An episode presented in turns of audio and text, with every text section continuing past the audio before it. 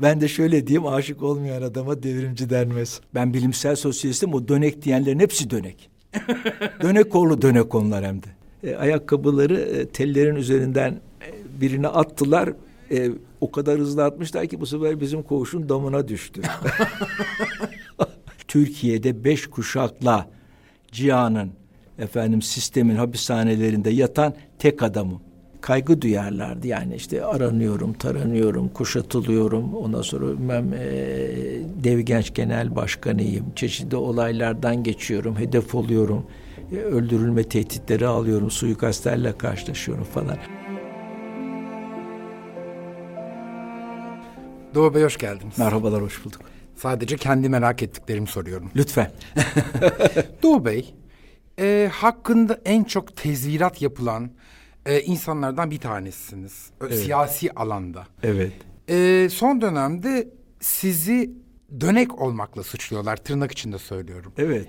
Ne diyorsunuz bu konuda? Dönek misiniz? Yoksa hayır ben eskiden beri bulunduğum yerdeyim. Hala sosyalistim mi? Ben bilimsel sosyalistim. O dönek diyenlerin hepsi dönek. dönek oğlu dönek onlar hem de. Hepsi dönek oğlu dönek. Onları söyleyenler. O suçladıkları adam 15 yıl 5 kuşakla hapis yatmış bir adam. Bunların hepsi dönmüş adamlar. Daha 12 Mart'tan sonra dönmüş adamlar. Ee, ben 12 Mart, 12 Eylül 1990, 98, 2008 Türkiye'de beş kuşakla cihanın efendim sistemin hapishanelerinde yatan tek adamım. Ve bunun karşısında dört kuşakla yatan da yok. Üç kuşakla yatan da bizim partide bazı arkadaşlarımız var. Onun için bunların hepsi Dönekoğlu dönektir, sistemin adamlarıdır. Bunlar Amerika ile birlikte cihanın e, şeylerinde, tezgahlarında Vatan Partisi'ne ve Doğu Perinçe'ye e, Amerika'nın ve Atlantik sisteminin adamları olarak görev yapan adamlardır. Sizin partiniz en büyük düşmanı Amerika olarak mı görüyor? Her durumda başka. Yani bu, bu tarihsel süreçlerde diyelim İstiklal Savaşı'ndayız. Düşman kim? İngiltere, Fransa. Ondan evvel Cihan Harbi'ndeyiz. Düşman kim? E, İngiltere, Fransa, Çarlık Rusyası. Ama Çarlık Rusyası'nda bir devrim oluyor. Ekim devrimi.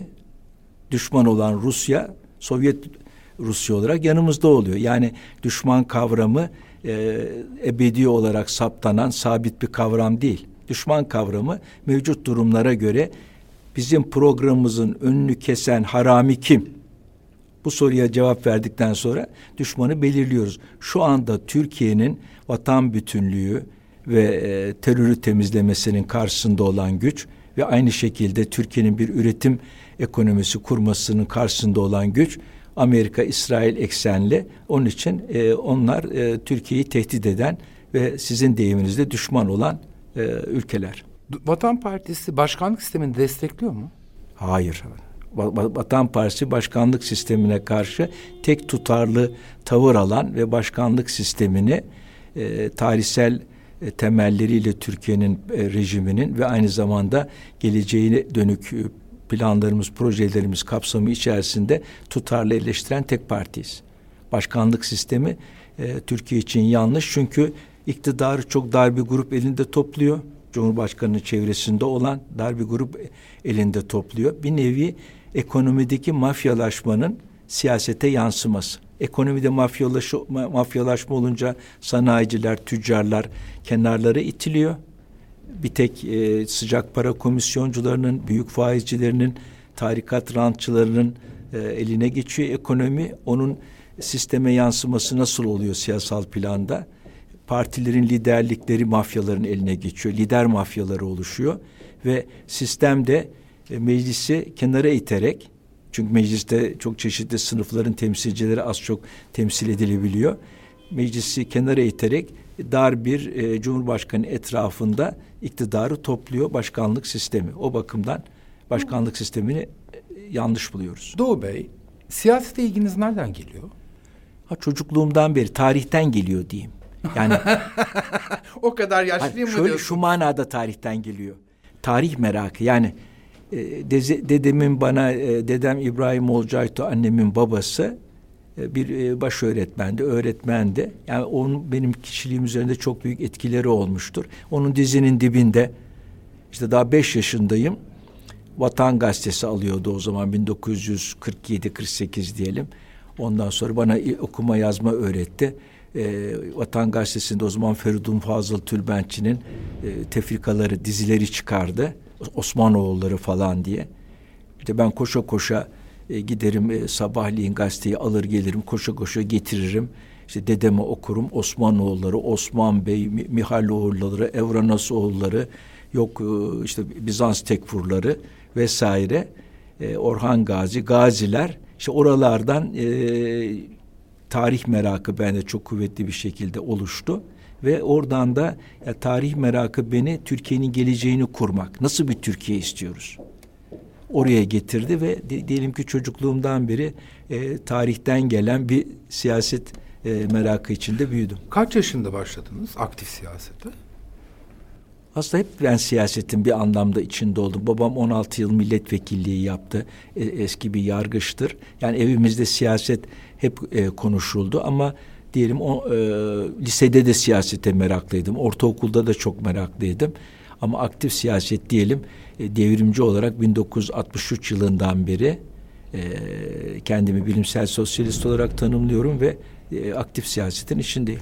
Ortaokulda mesela bir e, fraksiyona falan mı üyeydiniz yoksa? Yok ortaokulda o zaman daha ben, benim ortaokul çağım nedir? İşte Atatürk Lisesi'ndeyim ben Ankara'da. E, Sarar İlkokulu'nu bitirdim. Doğrudan ikinci sınıftan başladım ilkokula imtihanla. Ondan sonra e, ortaokul çok küçüğüm. E, ortaokulda Atatürk Lisesi'ndeyim ama devamlı meraklıyım. Türkiye ne oluyor? Ne olacak? Ondan sonra e, o zaman e, bütün siyasileri, partileri vesaire izliyorum. E, o şekilde oralardan başladım. Ama bir fraksiyon o zaman fraksiyonlar yok. Yoktu. Yok fraksiyonlar 60'lardan sonra yani solu e, kastediyoruz. Evet. Benim bilimsel sosyalizmi benimsemem işte 1963, 62, 63 yıllarında oldu. Hukuk fakültesinde 1963 yılında Fikir ve Sanat Ocağı'nı kurduk. İşte ben Uğur Mumcu, ondan sonra Adil Özkol, ee, sonradan Amasya Milletvekilliği yaptı Orhan Bey ve e, rahmetli oldu Hüseyin Günday. E, Fikir ve Sanat Ocağı'nı kurduk. O bir sosyalist e, bir kulüptü. Sonradan o Fikir Kulüpleri Federasyonu oldu. O Dev, Dev Genç'in kökü yani. Dev Genç'in kökündeki hukuk fakültesi ayağını 1963 yılında kuran beş e, kurucudan biri. Doğu Bey daha sonra hukukla ilgili bir şey yaptınız mı? Hukukla ilgili yani ben avukatlığı sevmedim, sevmem, avukatlık yapmadım da e, akademik kariyerde e, devlet teorisi, kamu hukuku asistanı oldum 64 yılında. Ama avukatlık ruhsatımda vardı. Hani böyle ancak işte Mihri abinin davaları, ondan sonra bazı siyasi davalar falan e, onlara girdim ama onun ötesinde e, kamu hukuku e, şeyi olarak kürsüsünde e, ama o, kamu hukuku da öyle bir hukuk ki hukuktan çok siyaset bilimi diyelim devlet teorisi. Felsefeye daha yakındır. Evet. Kim hangi hocanın yanındaydın? Müncü Kapani e, profesör evet. Evet o çok değerli bir hocadır. Çok esaslı bir hocamızdır. Çok şey öğrendim. Ben kamu hukukunu Ayferi Göze'den okudum. İstanbul. Belki, evet belki de aynı dönemde asistandınız. Olabilir. Değil mi? Siz ben 1964'te asistan oldum. Ben 82 hukuk girişliyim ama Ayferi evet. Hanım da o dönemlerde evet. herhalde. Ha, Ayferi Hanım'la diyorsunuz. E, olabilir evet. Yani e, onun ne zaman asistan olduğunu bilmiyorum ama e, ben 1964 yılında e, Ankara Hukuk Fakültesine kamu hukuk kürsüsüne asistan olarak girdim. Sonra doçent falan Sonra olmadınız. doçent tam olacağım sırada 12 Mart geldi. Sizi attılar. Çok hızlı bir doktor oldum. Yani Ankara Hukuk Fakültesi'nde en hızlı doktorasını yapan sanıyorum. E, 1968 Mart'ında doktor, hukuk doktoru oldum. E, aynı Mart ayında Devgenç Genel Başkanı oldum. Sonra 1971 yılında işte 12 Mart geldi. Orada ilk aranan listesindeyim. E, sonra e, beni Nihat Erim falan yazılar yazdı hukuk fakültesine ve e, hukuk fakültesinde benim memuriyet ilişkimi kestiler. Yani Sonra 64 70 hayatınızı? Sonra nasıl kazandınız hayatınızı Doğu Bey? E sonra profesyonel devrimci partili olarak işte, işte babamın yardımı ondan sonra çok şey yaşayan bir insanım. E, basit, mütevazi, sade yaşayan bir insanım. Yani neredeyse bir, bir lokma bir hırka diyebileceğimiz E, telif gelirlerim e, tabii çok oldu. Şimdi 54 kitabım var. E, bunların tabii çok, çok basılan, çok okunan kitaplar. Esas olarak yazar olarak telif gelirleriyle e, hayatım kazandım. Bir de köşe yazarlığıyla uzun yıllar 2000'e doğru da genel yayın yönetmenliği yaptım. Aydınlık Gazetesi'nde 2000'e doğru da köşe yazarlığı yaptım. İşte oralardaki e, telif gelirleri ve kitap gelirlerimle. Hep inatçı mıydınız Doğu Bey? Dirençli değilim. Hiç inatçı hiç değilimdir. Yani kişiliğim, karakterim inatçı değildir ama e, kararlıyımdır, ısrarlıyımdır. Yani e, belli mücadele ama ikna olduğum anda da hemen e, o benimsediğim görüşleri kabul ederim. Yani böyle e, kör bir inadım yoktur. Ve inatçı değilimdir yani. Şimdi mesela e, sosyal medyada Ertuğrul Bey'le e, 32. gündeki o meşhur tartışmanın evet. dönüp duruyor ya mesela. Evet, evet. E şimdi onu seyredince İnatçı bayağı... yok. Orada orada şu var. Yani e, orada bir vatanseverlik var ve vatanla ilgili duyarlılık var. PKK'ya, HDP'ye karşı kararlılık var. Yani oradaki tartışmanın özü Ertuğrul'la o Bülent şeyi savunuyorlardı. Irak'ın kuzeyinde Amerika Birleşik Devletleri'nin Irak'ı bölüp işgal ederek o kurduğu sözüm ona Kürdistan ikinci İsrail devletçiğini savunuyorlardı. Olay oradan çıktı. Yani orada bir vatan savunması var. Yoksa kişisel bir kavga söz konusu değil. E zaten en sonunda herkes nereye geldiğinde gördü işte e, PKK'nın uzantısı olan HDP'nin e, milletvekili oldu. Yani daha doğrusu HDP'nin ona sağladığı e, imkanlarla hayatını sürdürüyor. Yani Amerikan emperyalizminin daha o zamandan adamlarıydılar. Şimdi o maskeleri de tamamen düştü. Böyle yaşamak zor değil mi Doğu Bey? Mutluluk. Ben e, yaşamımda hiçbir çetinlik, zorluk görmüyorum. E, mutluluk görüyorum. Başka türlü yaşayamam. Yani e, diyelim devrimcilik dışında benim için bir yaşam ve mutluluk e, seçeneği yok. Şu anlamda böyle yaşamak zor değil mi diyorum. İşte sizi televizyon tartışma programlarında da görüyorum. Evet. Geçenlerde gördüm.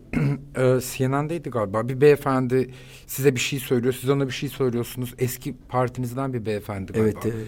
Hep bir tartışmanın içindesiniz. E çünkü sistemle karşı karşıyayım. Bakın şimdi o benim e, kusurum değil.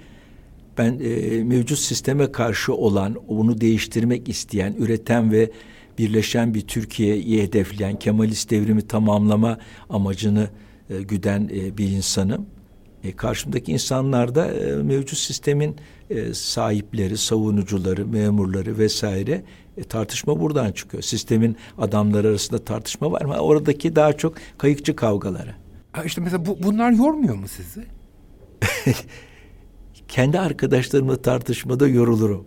Yani ama e, sistemin adamlarıyla tartışmada ne, ne diyeyim enerji buluyorum. Yorulmuyorum. Hatta beni yaşatan şey tartışma demeyelim de bu davanın adamı olmak. Yani belli bir davanın bu e, Kemalist devrimi tamamlama diyeceğimiz yani Türkiye'nin çağdaşlaşma e, ondan sonra ba- bağımsız e, üreten bir Türkiye olması davasının e, mücadelesini vermesem benim için yaşamın bir anlamı kalmayacak. Yani o zaman niye yaşayayım ben? Niye doğup verinecek olayım ve niçin yaşayayım?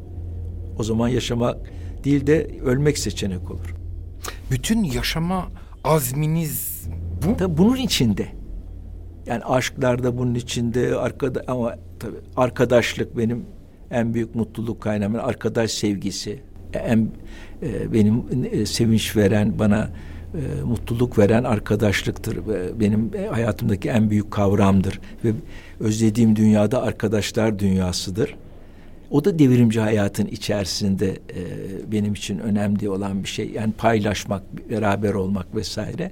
Onun için e, yani mesela şimdi e, hapislere girenler çıkanlar hep işte ezadan, e, eziyetten, işte parmaklıklardan, demir kapının gıcırtısından falan bahseder. Benim hayatımda demir kapı gıcırtısı yok. Ben oralarda da mutlu oldum. Yani bir davanın insan, insanı olduğu için. Onun için hiç e, hayatımdan bahsediyor. İşte demir kapı şöyle gıcırdardı, parmaklıklar şöyle paslıydı falan. Böyle bir şey yok. Tam tersine ben onların paslı ve gıcırtılı gördüğü şeylerde e, bir mutluluk kaynağı gördüm. Yani ben anlamlı bir hayat yaşıyorum. Benim hayatımın bir manası var, bir misyonu var. Onu gördüm. Onların eziyet gördüğü yerde ben hayatın anlamını gördüm. Demin laf arasında anladığım babanız e, yargıçtı.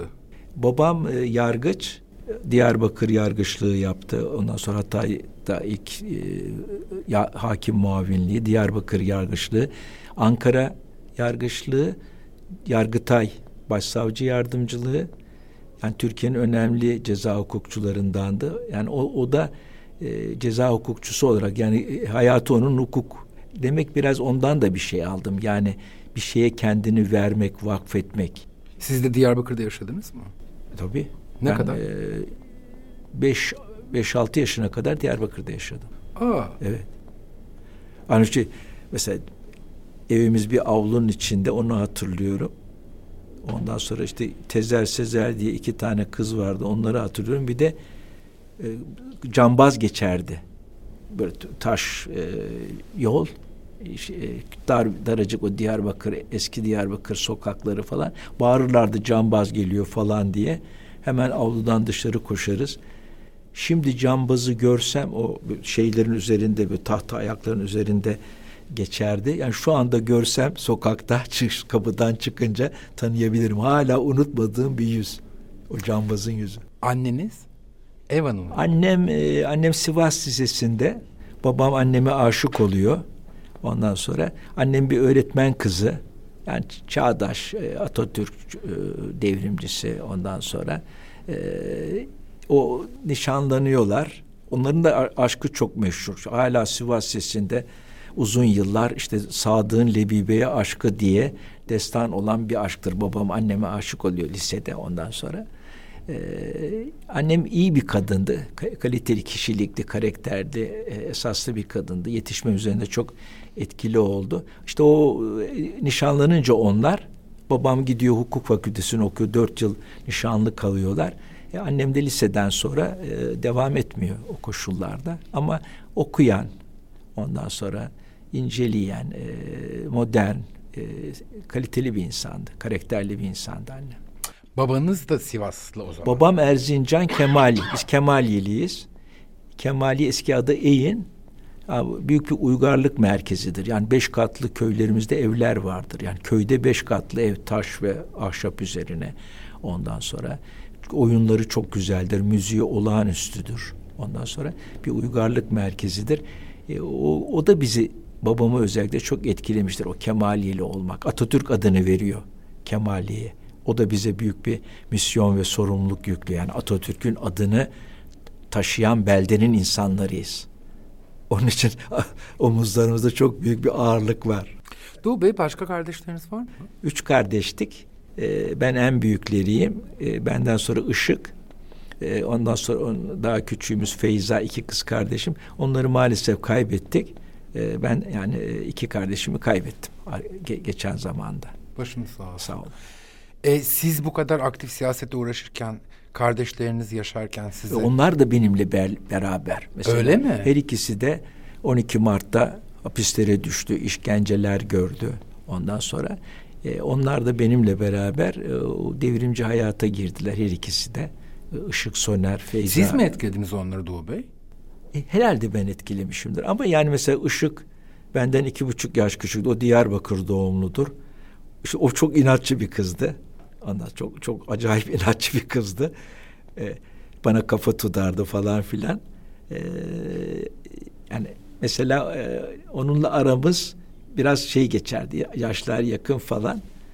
Ee, bir yandan diyelim e, bana kafa tutardı falan o kişilikli, karakterli bir e, kızdı.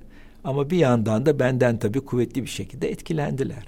E, o ODTÜ'yü bitirdi ışık. E, ondan sonra Orta Doğu Teknik Üniversitesi mezunudur. Kamu yönetimi okudu. Sonra çok iyi İngilizcesi vardır. Almanya'da gitti uzun yıllar. Çok iyi Almancası vardır. Çevirmenlik yaptı. Mesela e, Komünist Manifesto'nun Marx'ın en iyi çevirmeni odur. Onu, böyle çok sayıda çevirdiği kitap vardır ama diyelim manifestonun doğru çevirisi onun çevirisidir. Bir sürü yanlışları falan Almanca bildiği için düzeltmiştir. Daha çok Türkiye'de İngilizceden manifesto çevirileri yapılmıştır. O oradan hem İngilizce bildiği hem de Almanca bildiği için doğru bir çeviri yapmıştır. İyi kızdı o esaslı bir. Feyza da gazeteciydi. Gazetecilik yüksekokulu mezunuydu. E, o da kaliteli bir gazeteciydi. İşte Cemal Süreyyaların yanında, Toran Dursunların yanında e, o yetişti, büyüdü ve e, iyi bir gazeteciydi. Bu kadar uzun siyasetle uğraşma döneminde Doğu Bey hiç keşke bu işe girmeseydim dediğiniz bir an oldu mu? Hiç olmadı. An. An dahi olmadı. Ne bileyim Ha şöyle ben. keşkelerim olmuştur. Yani yanlış bir şey yaptığım zaman keşke bu yanlışı yapmasaydım. Ama seçtiğim hayatla ilgili bir an bile öyle bir şey düşünmedim. Daha doğrusu e, bu hayat dışında ben e, yaşayamazdım. Hep e, kafamda e, duran fikir, bana yön veren e, görüş budur. Ya başka bir şey düşünemiyorum diyorsunuz. Ya mesela şimdi içimde bir ukde vardır. Hayatımda hiçbir şeyi tamamlamadan bırakmadım. Yani bir şeyi yarım bıraksam o bana e, müthiş bir dert olur. E, doçentliğin ucunda diyelim 12 Mart geldi. İşte ta- takip edildik, arandık falan. Bir tür bir türlü o doçentlik imtihanına giremedim. Gece rüyalarımda sık sık görürüm. Müncü Bey çıkar. Doğu doçentlik te- şeyini Tezini. tezini vermedim falan gibi bir şey der falan. Mesela diyelim e, midem şişkin olarak yattığım zaman gördüğüm kötü rüya budur. Çünkü tamamlayamadım o işi. Ama sonuç itibariyle o bir akademik ünvan ama so- e, ben kendimi bilim hayatında e, akademi dışında devamlı yetiştirdiğim için orada bir problem yok ama diyelim yarım bıraktığım bir iş hocama karşı bir sorumluluk. Evlisiniz biliyorum. Evet. Bir oğlunuz mu var? Üç, Üç. e, dört çocuğum var, iki oğlum, iki kızım var. İşte e, Hepsi aynı eşinizden. ilk, ilk eşimden bir kızım var Zeynep.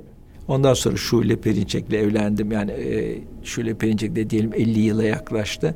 E, ilk evliliğim çok kısa sürdü. iki yıl falan. Bir, bir yıl falan. Bir buçuk iki yıl.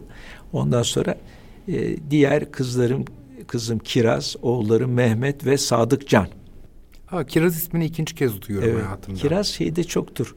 Ee, Erzincan, Sivas oralarda. Bizim Ali Kiraz diye Filistin'de bir arkadaşımız şehit edilmişti. İşte kızımız olursa onun adını verelim diye düşünmüştük. Kiraz. Soyadı Kiraz'dı onun. Var şimdi. Be, Şimdi duyuyorum. Evet. Benim çok sevdiğim arkadaşlarımdan bir tanesinin kızının adı da Kiraz. Şey u- uluslararası bir isim. Yani bütün dillerde İngilizce, Almanca, Fransızca bütün dillerde Giresun da Kiraz'dan geliyor. Hep e, birbirine benzeyen adlardır. İşte e, Şeri, Çeyre. en unutulmaz cezaevi anınız nedir Doğu Bey? Vallahi şey, e, ya, e, birçok anılar var da birdenbire şimdi bi- bizim e, son Silivri'den hemen aklıma gelen bir şey diyelim. Duvarlar var, e, koğuşların avluları arasında üstlerinde tel örgüler var falan. E, bizim koğuşta bulunan bir arkadaşımıza ayakkabı getirmişler ama onun ailesi ziyarete gelmediği için öbür aile e, getiriyor. Onlar da bitişik koğuşta. Şimdi ayakkabı bitişik koğuşta. E, ayakkabıları e, tellerin üzerinden e, birine attılar. E, o kadar hızlı atmışlar ki bu sefer bizim koğuşun damına düştü. Ondan sonra o ayakkabıyı alacağız diye e, dilekçeler verdik. Ondan sonra e, şey geldi. E, neyse cezaevi idaresi dama adamlar çıkarttı falan filan. Neyse şeyleri verdi. Aşağı indirdiler ayakkabıları. Fakat o sırada da bizi o koğuştan öbür koğuşa verdiler. Ayakkabı tarafa. Öyle bir bir türlü alamadınız mı ayakkabı? en sonunda gene bir ikinci iki dilekçeyle alabildik. Öyle şaka. Ama ilginç. Hoş. Biraz da bu kırıcı. şu bakımdan anlatıyorum. Her yerde bir çözüm var. Yani dikenli teller de duvarlar da çözümü önleyemiyor. Her yerde bir çözüm var. Şule Hanım da siyasetle ilgileniyor mu? Tabii tabii. O da zaten onunla e, tanışmamız e, bizim devrimci hayatın içinde oldu. O da 12 Mart'ta hapis yattı. E, üç yıl kadar şeyde e, Yıldırım bölgede Ankara'da Mamak'ta. Ondan sonra ondan oradan beri beraberiz. Zaten beraberliğimizin temeli tabii benim ona aşık olmam dışında o e, beraber e, yürüttüğümüz mücadele, o ortak duygular, ortak. Eskiden devrimciler arasında aşık olmak yasaktı ama. Vallahi Siz yasakları işte çiğnemişsiniz de- Doğu Bey. Onlar devrimci değil. ben de şöyle diyeyim, aşık olmayan adama devrimci denmez. Hani benim e, gençliğimde, çocukluğumda öyle bir şey vardı. O bence şey devrimcilik yani kuru veya devrimci olmayan devrimcilik. Çünkü devrim sonuç itibariyle nedir? İnsani bir şey. Yani insanlık için e, devrim yapıyoruz değil mi? E, o o insanlığın en önemli mutluluk kaynağı aşk. Yani insanların birbiriniz bir genel olarak topluma duyulan duygular vesaire falan veya Yunus Emre'lerin falan dediği gibi ulvi aşklar da var. Onlar da güzel tabii. Ama insanın insana aşkı, cinsler arası aşk bu da e, en büyük mutluluk kaynaklarından biri. Bu, buna uzak olan, yabancı olan insan niye devrim yapıyor? o devrimin anlamı kalmaz. Size bir televizyon programında bir soru soruldu ajan olmanızla ilgili ve çok sinirlendiniz. Sinirlenmedim. Size, şimdi size de aynı cevabı vereyim. Bu soruyu bana e, Cia sordurur. Kim sordu? Cia ve MIT sordurur bu soruyu bana. Çünkü ben onların hedefiyim. Onlarla e, savaşıyorum ve beni yıpratmak için bu soru sordurulur. Vallahi bana kimse sordurmadı. Ama bu hani ben sizin için o e, öyle bir değerlendirme yapmıyorum. Bu zaten kabalık olur da ama e, toplumun anlaması için söylüyorum. Yani bu soru oralardan üretilir. Şimdi ben size şöyle bir soru sorayım cevaben. Dünyada ha- hangi ajan beş kuşaklı hani şu ajan olur. Adamı yakalarsın, atarsın hapse, teslim alırsın, ajan yaparsın. Böyle ajanlar var. E, Ama ben beş kuşakla iflah olmayan bir devrimciyim. Beş kuşakla hapis yatmış tek adamım. İflah olmamışım. Onun için değil mi? Bir de şu, e, bütün Amerikan kaynaklarına baktığınız zaman siz de zaten programı öyle başladınız, başladınız. E, Sizin hakkınızdaki tezvirat e, çok az insan hakkında yapılıyor dediniz. E niye bu kadar tezvirat yapılıyor? Yani yıpratılmak için, bir adamı yıkmak için. Çünkü e, dağ gibi, kaya gibi sağlam duran bir e, parti var ve onun genel başkanı var. Onu yıpratmayacaksınız da kimi yıpratacaksınız? evet ama şimdi e, atıyorum Kılıçdaroğlu da yıpratılabilir.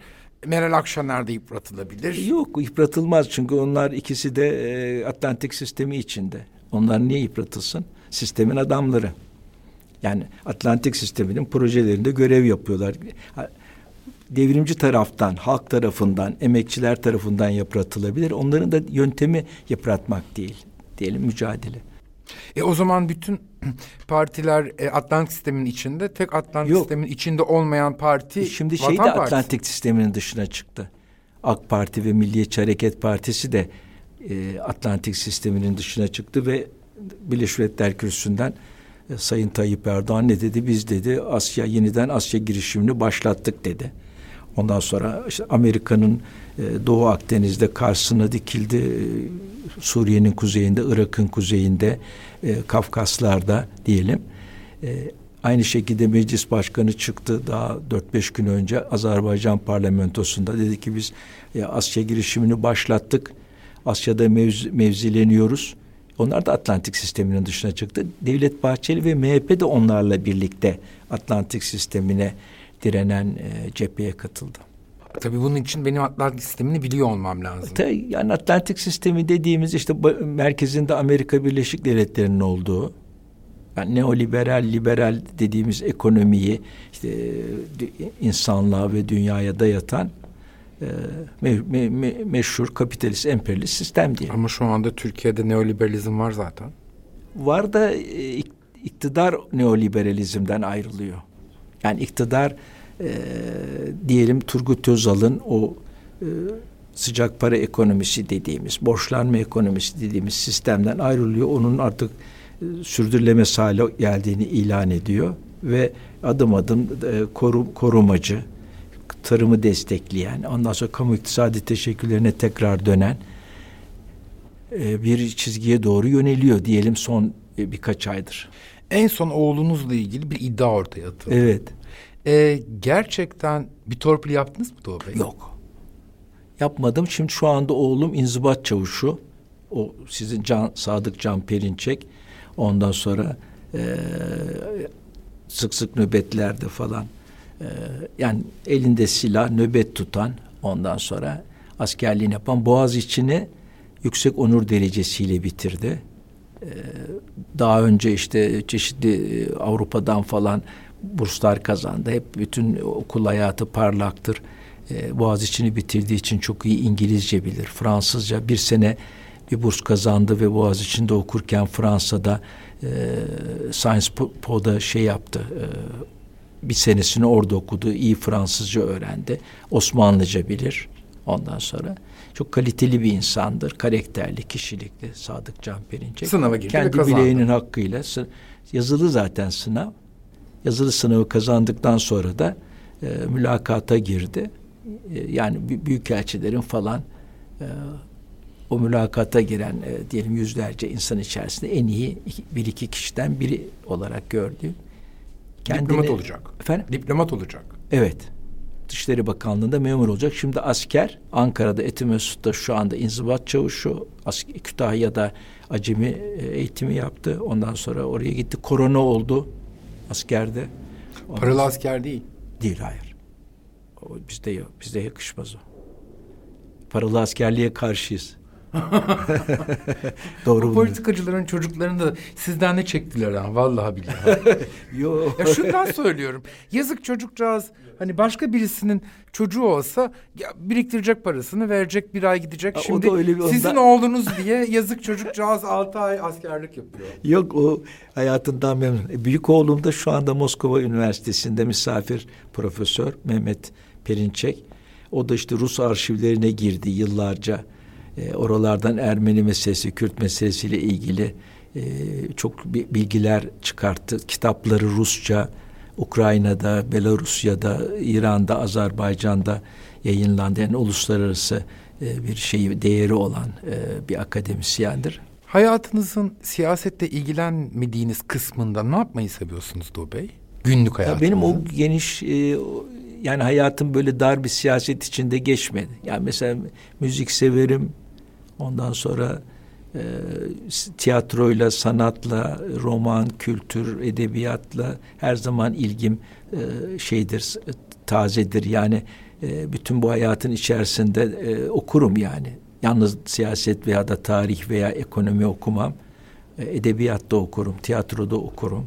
E, sanat kültürle her zaman ilgiliyim. Arkeoloji vesaire. Televizyon seyreder misiniz? Se seçerek seyrediyorum. Mesela ne seyrediyorsunuz? Ya mesela şimdi bir Selçuklu dizisi var TRT'de. O ilgimi çekiyor yani tarihte tarihe de meraklı olduğum için ama seçerek işte ne var? Ha televizyonlarda e, mesela Sadık Can askere gitmeden önce ve sık sık akşamları televizyonlarda film seyrediyordu. Çok güzel filmler seçiyordu o. Şimdi de işte Şule ile e, e, bazen böyle seçip seyrediyoruz. Bazı dizileri izliyoruz. Ondan sonra haber leri izliyoruz. Müzik izliyoruz. Müzik kanalında herhalde. Müzik kanallarından izliyoruz. Yani güzel müzik kanalları var. Ee, onlardan bir de kendi bilgisayarımıza böyle bir seçtiğimiz 150 tane parça var falan. İşte onları e, şöleyle beraber evde diyelim akşam e, yorulduk falan e, otururken onları da açıp dinliyoruz. En unutamadığınız arkadaşınız kimdi o bey? Unutamadığım işte yakından. Mesela Soner Polat e, emekli tüm amiral e, geçen sene kaybettik. Yani o büyük bir devlet adamı, e, çok karakterli bir insan. Hasan Yalçın ondan sonra. Adil Özkol lisedeki arkadaşım hala arkadaşlığım devam ediyor. İrfan Koçak ondan sonra ilkokulda sanal ışık vardı rahmetli oldu altımızda oturuyordu falan. Yani her zaman hep böyle şey çok yakın delice sevdiğim yani aşık olma derecesinde sevdiğim arkadaşlarım olmuştur. Şimdi babamlar birileri onlarla röportaj yapmışlar falan. İşte bir, e, bir gün eve gelmişim falan. Daha orta orta birdeyim. Ondan sonra e, çorabım şey delik. Annem demiş ki ya bu senin çorabın değil nereden falan. İşte e, arkadaşım ismini söylemeyeyim e, Etimesut'tan böyle çocuklar geliyordu bizim orta birde Atatürk Lisesi'ne. Yani arkadaşımla futbol oynarken işte ayakkabıları değiştirirken falan baktım arkadaşımın çorabı yırtık. Benim çorabı bana verdi. Aldım falan. Yani arkadaşlarım için e, her şeyi yaparım. Böyle e, olağanüstü bir arkadaş sevgisi vardır. Bu Panayit Strati'nin bir Mihail romanı vardır. Arkadaş romanı. Oradaki aşk yani arkadaş aşkı. Bende çok kuvvetlidir. Arkadaş. Dışarıdan hiç öyle gözükmüyorsun. Öyle mi? çok arkadaşlarım da beni çok sever. Yani ilkokuldan beri e, bütün arkadaşlarım ilkokul, ortaokul, lise, hukuk fakültesi arkadaşlarım beni çok sever. Ben de onları çünkü çok seviyordum. Çünkü hani ben bir ön yargı şimdi benimki. Olabilir. Sizin e, hep çok mesafeli bir insan olduğunuzu Yok, düşünüyorum ta, dışarıdan. Çok aşırı sıcak. Tam tersine belki yani daha daha paylaşan. Ondan sonra fazla bir e, kapalı dünyam yok yani deyip kendime ait sır dediğim diye denebilecek bir dünyam yok. Her şeyimi arkadaşlarıma açarım, sevdiklerimi açarım. Gizlediğim, sır olarak sakladığım bir şeyim yoktur. Tuğ Bey bilmediğim için soracağım. Ayağınızın aksaması sonradan olan bir şey mi? O tabii. İşte o da Diyarbakır'dan. Yani o, orada çocuk felci oldum. Ondan sonra o Diyarbakır hatırasını bütün hayatım bu. Ama tabii yaş ilerleyince artıyor. Yani diyelim e, e, genç yaşlarda, ortaokulda vesaire e, o kadar etkili değildi. Dağlarda e, dolaştım. Ondan sonra e, iyi basketbol oynardım. E, sınıf takımında Aa. falan. Evet. E, sınıf takımımızda bizim milli oyuncular vardı. Mesela İbrahim Ortaç, Harlem milli takımın iki metre işte Şevki e, Şeker Spor'dan, Ercüment Kolej'den yani bizim e, sınıf takımımız e, millilerle Ankara'nın iyi basketçileriyle doluydu. Ben de o sınıf takımında basket oynadım. Aksamı yıllar içinde arttı. Et, yaşlanınca tabii e, bir de hapishaneler hep olumsuz etkiliyor. Yani adeleler zayıflıyor.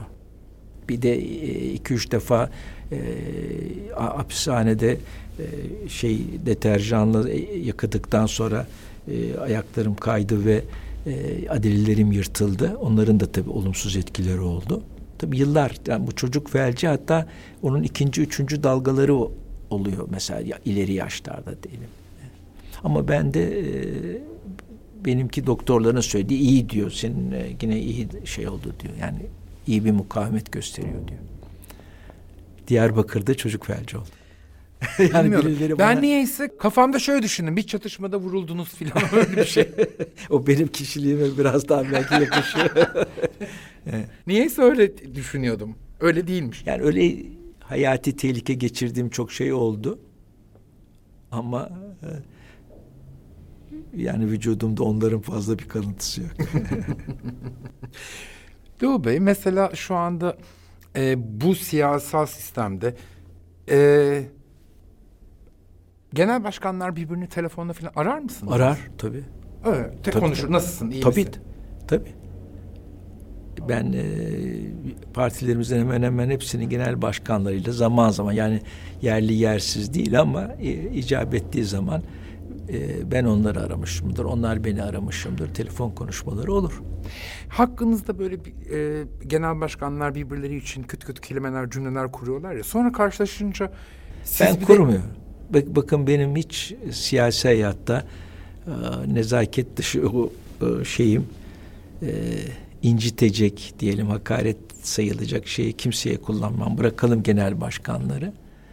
O Ertuğrul Öz şey e, Kürkçü vakası dışında şey hakaret falan yok bende. Ama yani geçen, çok dikkat edin. Ha? Geçen gün CNN'de seyrettiğimde de e, o, o şimdi o, onu şey yapmayalım. Onu, oraya girmeyelim. Yani ba, bana e, bir e, şey olduğu zaman işte en fazla terbiyesizlik etme derim yani. Ama bana karşı bir tecavüz o da eğer ben genel başkan olmasam ona da aldırma. Ama genel başkan olduğum için bir parti var arkamda ve e, korumam gereken değerler var. E, orada kendi şahsımı korumak için değil de e, partimi korumak için diyelim en fazla terbiyesizlik etme derim ama e, hakaret etme. Çocuklarınız da parti üye mi Bey? Mehmet Perinçek tabii üyeydi. Ondan sonra e, Kiraz e, kızım da İpek yolu uzmanıdır. O da uluslararasıdır. Yani işte Özbekistan'dan, Çin'den, ondan sonra Almanya'dan, İngiltere'den çeşitli sempozyumlara, e, akademik e, toplantılara çağrılır. Kiraz Karavit Perinçek, e, Perinçek Karavit, o da evli e, bir profesörle Mimar Sinan Üniversitesi'nde Caner Karavit'le. O da e, şeydir, e, parti üyesidir ve e, o da İpek yolu uzmanı, dünya çapında bir İpek yolu uzmanıdır. O da Orta şey Boğaziçi mezunudur. Siz hiç milletvekili yaptınız mı? Yok hayır. Hiç? Hayır. Bu kadar yıldır. Milletvekili yapacak halim olmadı çünkü seçimlere her seçimlerin çoğunda hapishanedeydim. Seçilme hakkım yoktu. Siyaset e, siyasi haklarımı kaybettim uzun yıllar. Mahkumiyetler nedeniyle e, milletvekili yapmadım. Babam 16 yıl milletvekilliği yaptı. Evimizde de e, annem her seçimde babamla tartışırdı. E, sadık e, dönme e, milletvekilliğini bırak tekrar yargıçlığa dön. Annem yargıçlığı severdi. Milletvekilliğinden hoşlanmazdı. Yargıç eşi olmak hoşuna gidiyormuş. Yani o belki o cumhuriyet kültürü falan. Yani onunla, onun gözünde milletvekili olmak çok değerli bir şey değildi. Bir, bir, bir de e, babam kendini vakfeden bir insan biraz e, ev hayatına da yeteri o milletvekilliği ortamında e, yeteri kadar böyle e, ilgisini belki veremiyordu. Anneniz size de demez miydi ilgilenme siyasetle doğu Derdi. Ama siz inatla. Derdi ama e, benim de ondan mutlu olduğumu bildikleri için e, biraz da tabii kaygı duyarlardı. Yani işte aranıyorum, taranıyorum, kuşatılıyorum. Ondan sonra ben e, Dev Genç Genel Başkanıyım. Çeşitli olaylardan geçiyorum, hedef oluyorum. E, öldürülme tehditleri alıyorum, suikastlerle karşılaşıyorum falan. Hapishaneler. E, oralarda tabii benimle ilgili hep kaygıları e, olmuştu. E bir anne olarak da çok doğal. Çok doğal tabii. Bir de çok şeydi yani bir gerçek bir e, anneydi yani. Yani çocuklarına aşırı böyle titreyen ve hayatın anlamı bir anlamda çocukları olan bir kadın da evet. Geldiğiniz için çok teşekkür ederim. Biz teşekkür ederiz. Sizi Sağ daha yakından tanıdık. Vallahi çok akıcı güzel bir söyleşi oldu. Çok, çok teşekkür ederim teşekkür geldiğiniz ederim. için. Sağ çok keyifliydi. Sorularınız da çok güzel oldu. Sağ olun. Sağ olun.